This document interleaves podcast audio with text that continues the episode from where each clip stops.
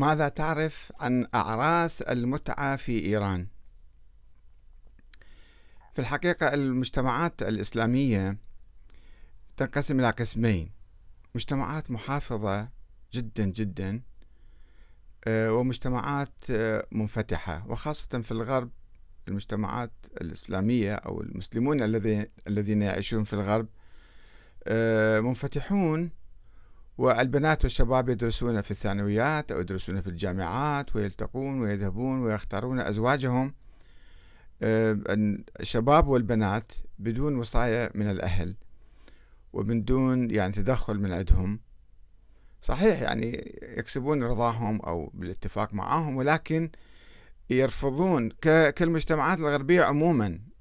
الزواج فيها هكذا يعني الشاب هو الذي يختار البنت والبنت هي التي تختار الشاب وتتعرف عليه ويخرجون مع بعض ومثلا آه، يذهبون لمطاعم أو يتعارفون إلى أن يقرروا الزواج.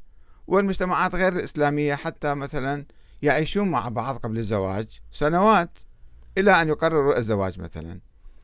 ولكن في المجتمعات الإسلامية هذا الشيء مو مسموح به حرام ما يجوز. وبعض المجتمعات المنغلقة في الحقيقة ما أريد أسمي أسماء بعض الدول ولكن الزوج يعني الزواج يتم عبر الأهل سواء للولد أو البنت.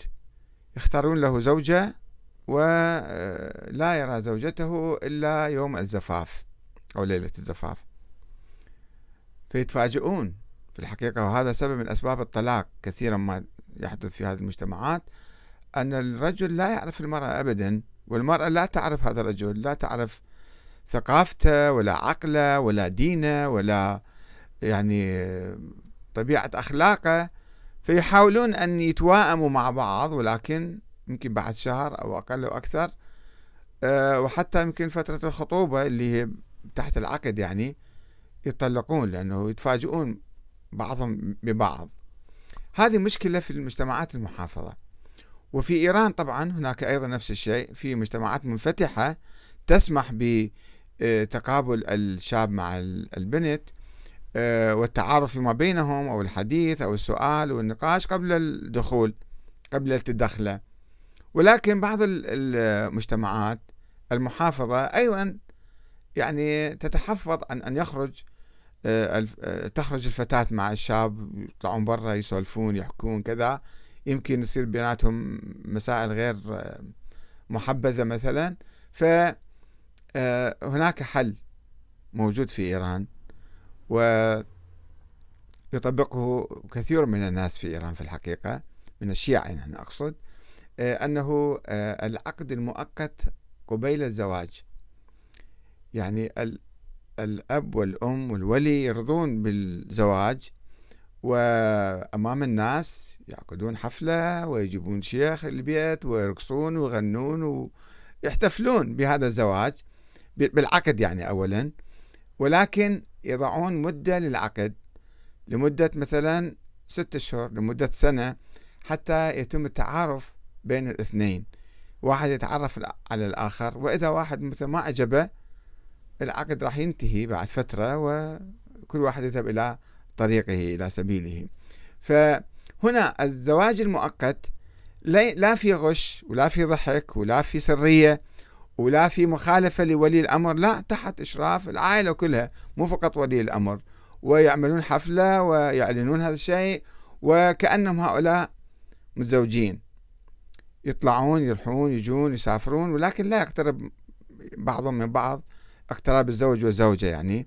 ولكن من أجل التعارف ويمكن شفتوا بعض الفيديوهات انتشرت انه حفلة مسوين ودا يزوجون زواج مؤقت. هو مو يعني زواج دائم هكذا يردون بس مقدمة للزواج الدائم حتى يحلوا هذه المشكلة مشكلة التعارف بين الزوجين اللي بعض المجتمعات يتفاجئون فيها بهاي المشكلة و... وما يتفقون وبعدين يطلقون. فلماذا يحدث هكذا؟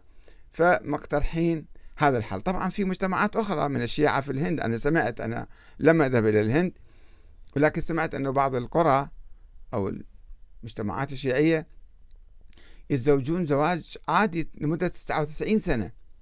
99 سنة زواج مؤقت. كل زيجاتهم زيجات مؤقتة وهم هكذا مرتئين يعني أنه يزوجون طبعا نفس شروط الزواج العادي موجودة في عندهم ولي والقبول والمهر والإشهار والإشهاد وكل شيء موجود بس بيحددوا لمدة معينة.